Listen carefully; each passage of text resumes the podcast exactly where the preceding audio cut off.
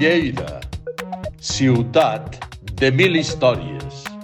El castell del rei va ser el símbol de la capitalitat que Lleida tenia a les acaballes del segle XII, quan la ciutat era el centre estratègic de les decisions de poder, polítiques i indret neuràlgic de la corona de la unió entre Catalunya i Aragó, residència on alguns dels reis hi van passar llargues temporades. Del que va ser només en queda una part, la més antiga i la que ha acollit rellevants fets històrics. A la sala de les Corts hi va tenir lloc el reconeixement del petit Jaume com a monarca que ja de gran, entre conquesta i conquesta, va estimar i premiar a una ciutat amb la que sempre va mantenir una vinculació i preferència. Li va concedir importants drets i privilegis i sempre va procurar per la protecció de les millors produccions de l'època, els teixits, el cereal i el vi. Mil històries. Mil històries. Avui tornem al Turó de la Seu Vella per visitar i parlar-vos del Castell del Rei. També conegut amb el nom de la Suda, dibuixa el tossal acompanyant l'antiga catedral. I si aquesta és imponent, majestuosa, espectacular, el palau, tot i que més discret, no es queda enrere atenent a tot allò que les seves parets han vist al llarg de la història. En parlarem amb la Núria Piqué, ella és la responsable de publicacions, continguts i atenció al visitant de la Seu Vella de Lleida. Moltíssimes gràcies, Núria. Explica'ns com, quan i per què, i en el context de quina Lleida es va construir el Castell del Rei. Doncs eh, el Castell del Rei és, era l'edifici civil més impressionant, podríem dir, que tenia Lleida al segle, al segle XIII o a finals del segle XII, que és quan es comença a construir, juntament amb l'altre gran potent edifici que sabem tots que és la catedral. Un serà el símbol eclesiàstic per excel·lència i l'altre el símbol polític per excel·lència també i fixeu-vos també on el construeixen, perquè està a la part més alta del turó, com simbolitzen allò de que es noti que, que el castell del rei és el palau, que ha d'acollir els, rei, els diferents reis de l'antiga corona d'Aragó i que es noti que són els reis, la màxima autoritat. Però sí que és cert que neix en el context de la finalització d'un període o una etapa pròspera que va ser el període musulmà, quan Lleida es deia l'Arida, i això és així fins l'any 1149, quan arriben els comtes catalans, els templers i nobles linatges que ajuden a la conquesta precisament de la ciutat musulmana de l'Arida. I és a partir d'aquests mitjans de segle XII, de 1149, quan a Lleida es té claríssim que s'ha de eh, fer evident el canvi d'una cultura cap a l'altra. Una manera és la renovació urbanística, que és la que tindrà lloc a dalt del turó, gestant-se tot aquell excel·lentíssim barri gòtic de forma progressiva, però l'altre i molt important, i a nivell polític podríem dir, és que un cop Lleida deixa de ser musulmana, al 1149 hem de destacar dos fets molt importants que tenen lloc tan sols un any després, el 1150. Un és la concessió de la Carta de Poblament pels dos comtes que han protagonitzat i liderat la conquesta de la ciutat musulmana, que eren Ramon Berenguer IV i el comte Armengol VI d'Urgell. Aquests dos contes concedeixen la Carta de, de Poblament per garantir la justícia, l'ordre jurídic i el repoblament de tot aquest territori amb gent nouvinguda d'altres terres. Això és un pas, però és que també el 1150 Lleida és l'escenari d'unes noces reials importantíssimes, que són les del comte Ramon Berenguer IV i d'una noieta que venia procedent d'Aragó de nom Peronella, que es, es casen a Lleida, les festes es, es celebren a la ciutat de Lleida i això formalitza d'alguna manera el naixement de l'antiga corona d'Aragó. Si mentalment tothom és capaç de juntar terres aragoneses i catalanes, perquè la Corona d'Aragó és això, eh? Uh mhm. -huh. unir dos grans territoris i s'ubica geogràficament Lleida, la ciutat de Lleida, doncs és fàcil adonar-se'n de que queda justament al mig. Per tant, doncs, Lleida, que en aquells moments és un territori ric i pròsper i encara ho serà molt més, doncs lidera aquesta capitalitat interior de la Corona d'Aragó des del centre des del mig dels territoris. L'altra gran capital ja sabem qui serà, Barcelona, però Lleida lidera això. I com a, com a capital que lidera també aquesta capitalitat, doncs necessita un edifici símbol polític, que serà el Castell del Rei. eren ben bé el centre neuràlgic i per tant necessitàvem, requeríem aquestes construccions que són les que denoten no? aquesta força, I aquest tant. poder.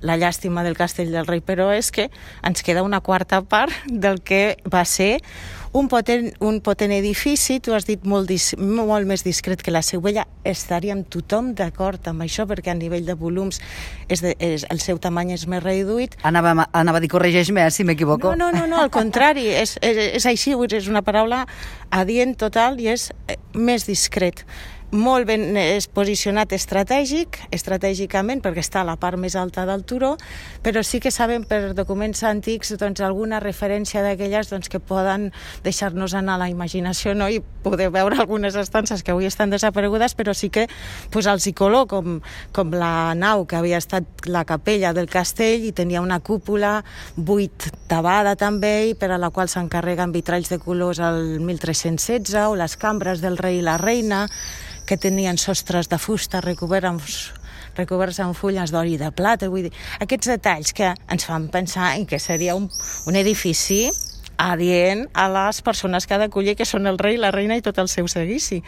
Llàstima d'història, eh? perquè és allò de que diem, la Seguella té una història trista, però la història del castell és patètica, pobreta, perquè ens ha quedat una quarta part. De totes maneres, sempre s'ha de ser positiu en aquesta vida i jo sempre dic que antes ha aparegut la, el que eren les estances pròpiament de vida, no? d'habitatge, però ens ha quedat conservat el que era la sala de cors, que és la part més antiga del castell i a la que eh, tenim present aquesta necessitat que té Lleida de liderar políticament i de fer política i emetre lleis i privilegis i reformes i tot el que tu vulguis, doncs la primera part que es construeix del Castell del Rei és precisament la que avui conservem, que és la sala de cors, de unido, no?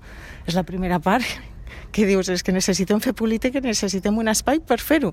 Doncs aquest és el que tenim avui conservat. Mil històries. Mil històries les bodes, eh, signatures, acords, eh, detallem una mica més quins són aquests períodes claus, no? o aquests fets claus que aquestes parets que, que es conserven i que tenim aquí, que podem visitar, que ara som aquí, doncs han viscut, no?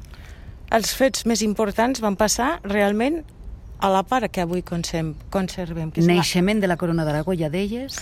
El naixement no sabem exactament. Aquí al castell, evidentment, no pot ser per cronologia, tot i que tinguem alguna festa que recrea les noces de Peronella i de Ramon Berenque IV, hem de pensar que si aquest fet passa al 1150, aquest castell encara no està construït, per tant, no pot ser de cap manera que tingués lloc aquí dins. En tot cas, en algun espai de la suda musulmana que és el que hi havia abans, no, del castell? que aquesta és la gran no, és la prim, no són les primeres construccions, no? La Seu Vella o el Castell del Rei, que hi havia al turó, no? Clar, a veure, això de la suda, nosaltres sempre insistim des del Consorci parlar del Castell del Rei perquè és el que tothom veu. Una altra cosa diferent és que popularment el Castell del Rei sigui eh, encara anomenat la Suda en record d'aquella Suda o recinte fortificat musulmà que va estar construït en el mateix lloc, però en un període anterior, que era el període musulmà de Lleida, però de la Suda no queda res pràcticament visible. Aleshores, aquelles noces difícilment es podrien haver celebrat al Castell del Rei. No, a la Suda, vés a saber, no ho sabem, es nomena sempre la ciutat de Lleida com a espai físic, però el lloc exacte no. Uh -huh. Aquesta és una. Sí que, en canvi, sí que hi ha documentat altres fets molt importants, com són la celebració de les Corts. Eh? Aquelles sessions, avui en diríem parlamentàries, que no eren ben bé parlamentàries, però sí que van tenir eh, lloc diverses Corts. Les més importants, sempre, sempre expliquem, van ser les primeres, que fins i tot no, no utilitzem la paraula Corts perquè és, una, és posterior, però sí una paraula semblant, assemblea. -hmm. l'assemblea de 1214, en la que un nen de només 6 anys era reconegut i posteriorment coronat rei, amb 6 anys d'edat, pobrissó. Parlem de l'infant Jaume, que va ser el futur Jaume I el Conqueridor, que és un dels reis més estimats, potser de la nostra història, no? dels que ha deixat un llegat més potent de tots els diferents reis de la corona d'Aragó, perquè excepcionalment viu 68 anys. Va tenir temps, doncs, de fer moltíssimes coses, no? A part de conquerir Mallorca i València i repoblar, doncs va ser també un gran, gran legislador. I aquesta vessant legisladora a Lleida també la tenim molt present perquè Jaume I es deixa un gran, un gran llegat. Ara bé, a banda d'això, i si vols en parlem després, doncs aquí s'han signat documents importants com els pariatges d'Andorra. Si Andorra avui és un, és un exemple únic i singular al món que treballa en la seva candidatura de cara a la reconeixement per UNESCO, és perquè és un coprincipat, en diem sempre, i és perquè hi ha dues autoritats sempre governant, l'eclesiàstica, la, la política, i això, és, uh, uh, això ve de molt lluny i ve de dos eh, documents signats a la sala de Cors del Castell del Rei, el 1200, si no m'equivoco, el 1278 el primer pariatge i el segon, deu anys després, per ratificar-lo. déu nhi O un altre gran document, la Querimònia de la Vall d'Aran, que és un document que podem definir com un compendi dels privilegis que aquella part de la Corona d'Aragó tenia com a territori molt aïllat i també molt, molt, molt específic i era un reconeixement als seus drets sobre les pastures, els boscos, l'aigua i tot això. Vull dir que són documents molt interessants de la nostra història que s'han signat aquí, per tant, queda molt evidenciat que era una sala on es fa política i tot allò que no sabem i que no s'ha recollit en, en documents, no? Des de Lleida, totes aquestes ramificacions, que a més a més abans dèiem, les bodes de Peronella i Aragó es, es recreen, no? Les recreen en festes. La querimònia de la Vall d'Aran, doncs també, no? Són fets importantíssims de l'evolució i la història que avui en dia doncs, encara estan no? Eh, celebrant-se, commemorant-se, i tot això sorgeix d'aquest castell del rei. Sí, i tant. I després ens queda aquell que en temps de Pere III eh, assigna com a primer document en defensa del que es considera avui del concepte de patrimoni. Eh, quan s'envien una desena o una dotzena de ballesters per protegir l'acròpolis d'Atenes. Imagina't, aquest es considera el primer document en defensa del patrimoni eh, dient que és la joia més rica que al món al món hi ha i que cal protegir-la tu. També des d'aquí sorgeix això? Exactament, se signa aquí dins a la sala de cors. Per tant, uh, Déu-n'hi-do. Mil històries. Mil històries. La història del Castell del Rei, potser els volums no els tenim, però la història que amaga dins dels seus dels poquets murs que es, que es conserven és, és potentíssima. Jo em penso que una de les coses de, que la gent més al·lucina, que ens ve a conèixer, és precisament tanta història que ten, la, la potent història que tenim des de Lleida i que és una gran desconeguda, que els llibres fins i tot no hi és, eh? Vull dir, es parla sempre de Barcelona, però les terres de Lleida queden sempre una mica al marge i tenim, tom, tenim fets històrics importantíssims i claus. Què és el que més sobta, Núria, de la gent que, que, que, que venim aquí, no? A, a que ens ho expliqueu, a poder visitar aquestes restes, a, a conèixer tot això que avui estem explicant? Clar, el Castell del Rei, si no t'ho expliquen, jo, jo també entenc una cosa, i és que si no t'ho expliquen, realment són pedres, no?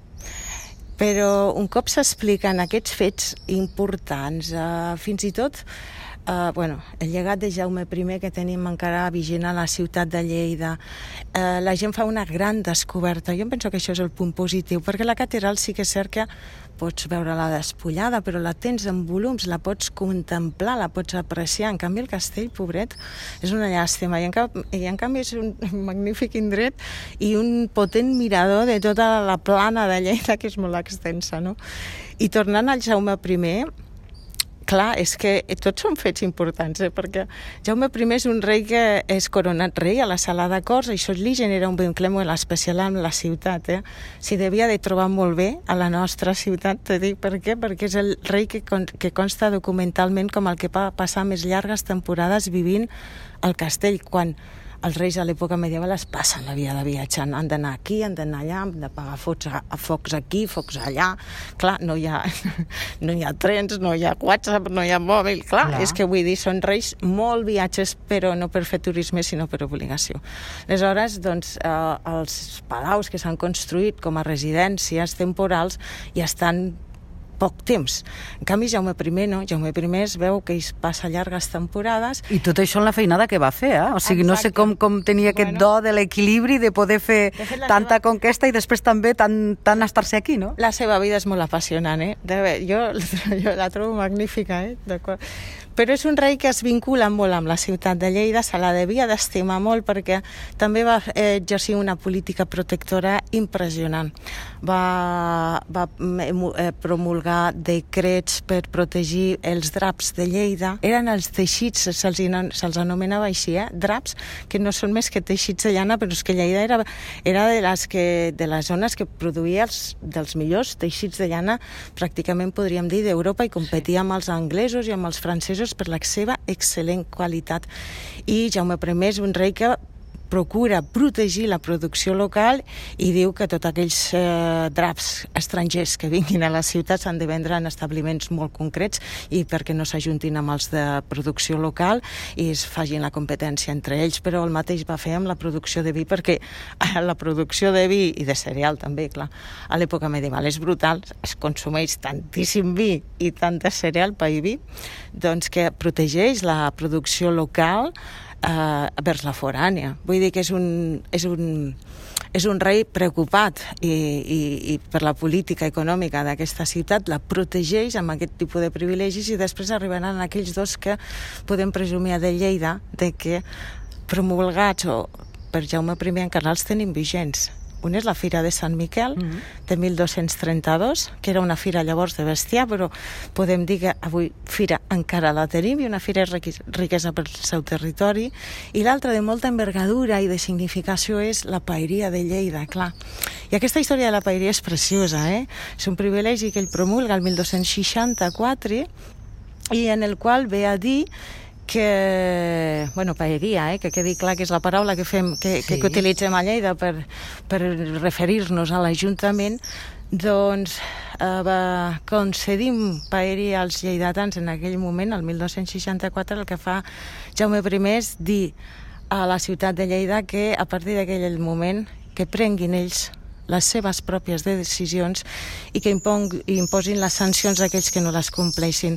És a dir, que els hi dona una mica de via lliure, els deslliura alhora de les servituds feudals, perquè no oblidem que 1264 és un moment encara en què el feudalisme és el règim jurídic que impera a la majoria de territoris i que es col·loca Lleida en l'inici d'un llarguíssim camí que serà el de l'evolució lenta i progressiva de les institucions, però ens dona aquest, aquest punt no? de partida i de dir, ei, comenceu, comenceu a treballar en aquesta direcció, eh, perquè aquest és el camí. Amb una certa autonomia, no? De... Ah, i això és molt important, perquè vol dir que Lleida en aquells moments, 1264, ja és una ciutat prou madura com per començar una, un camí com és aquest, tan, tan significatiu.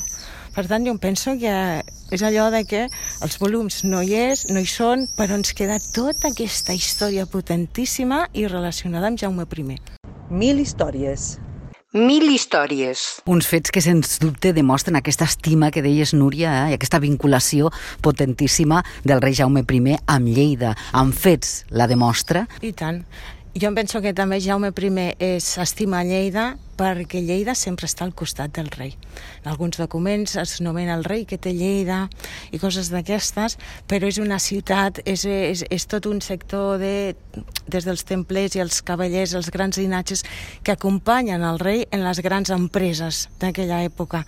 La conquesta de Mallorca, la conquesta de València, que va costar molts anys, eh, la repoblació posterior i la paeria realment arriba en agraïment de tot aquest esforç que les terres de Lleida li han prestat al rei. I de fet ho diu el document original de la concessió del privilegi de la paeria que es conserva a l'arxiu municipal de Lleida, uh mhm. -huh. ho diu, eh?, pels serveis prestats. Vull dir, en agraïment de, eh, jo us concedeixo aquest, aquest privilegi que és el de la paeria. Jo ho trobo interessantíssim, eh? a nivell històric ho trobo interessantíssim. Jo. Un agraïment i una estima mútua, no? Exacte. I quan estava aquí, Núria, ja per acabar, ara imaginem, no? nosaltres també hi som. Eh, el rei, quan reposava o descansava o s'estava aquí, no?, aquestes eh, temporades que dius, doncs suposo que, mira, veia aquesta plana, escoltava aquests ocells com fem nosaltres ara, no?, aquí, en aquestes estances. Jo m'imagino, com que tinc aquesta capacitat d'imaginació i traslladar-me sempre al període històric de, del que es parlem, clar, jo m'imagino el rei i segurament el seu pare, perquè el pare, Pere el primer el catòlic, el pare de Jaume I és el gran promotor de la construcció de la catedral i ell promotor de la construcció del Castell del Rei, és el Pere I el Catòlic és el que fa les primeres donacions econòmiques pel seu castell de Lleida. I Jaume Peramià també continua les obres, fa remodelacions, etc. I me'ls imagino, no, jo m'imagino la història pujant per les grades majors, aquella escalinata que hi hauria eh, en aquells moments al turó, primera parada la farien segurament a la catedral, eh, en, en salutació al bisbe del moment, visitant les obres, que això es faria, no? Si avui tenim el rei que quan va a un lloc visita les obres de no sé què o la no Igual, sé, eh, doncs farien exactament el mateix. Primera parada dic a la catedral i després pujarien solemnement aquí, al seu palau. déu nhi no? Amb la floinata de la cor, la ciutat de Lleida als seus peus i aquestes meravelles, aquestes joies, aquestes dos joies que tenim aquí dalt al turó, Núria. Ha estat un plaer, moltíssimes gràcies. La història és molt més llarga, Exacte. per algun altre capítol haurem de continuar-la, no?, a partir de Jaume I i després veure també episodis malauradament foscos, no? Sí, sí, també, quan vulguis. Aquí estem per això i per difondre el que és la nostra història, perquè jo em penso que aquesto, aquests fets, quan els relates, fan pujar l'autoestima. I a Lleida penso que ens en falta una mica a vegades, eh? Ens en falta, i a més a més el que deies, episodis tan potents que també ens han marcat a tots nosaltres i que els desconeixem, doncs ah. això no ha de ser. Eh? Per aquí estem. Per això. Aquí estem i també el Mil Històries vol contribuir a doncs, que tothom no, eh, tingui coneixement i tingui constància de d'on venim no? I, i, i de com som perquè som, no? I de recuperar aquella autoestima autoestima que no hauríem d'haver mai perdut. Núria, moltíssimes gràcies, un plaer. Gràcies a tu, Gina. Lleida, ciutat de mil històries.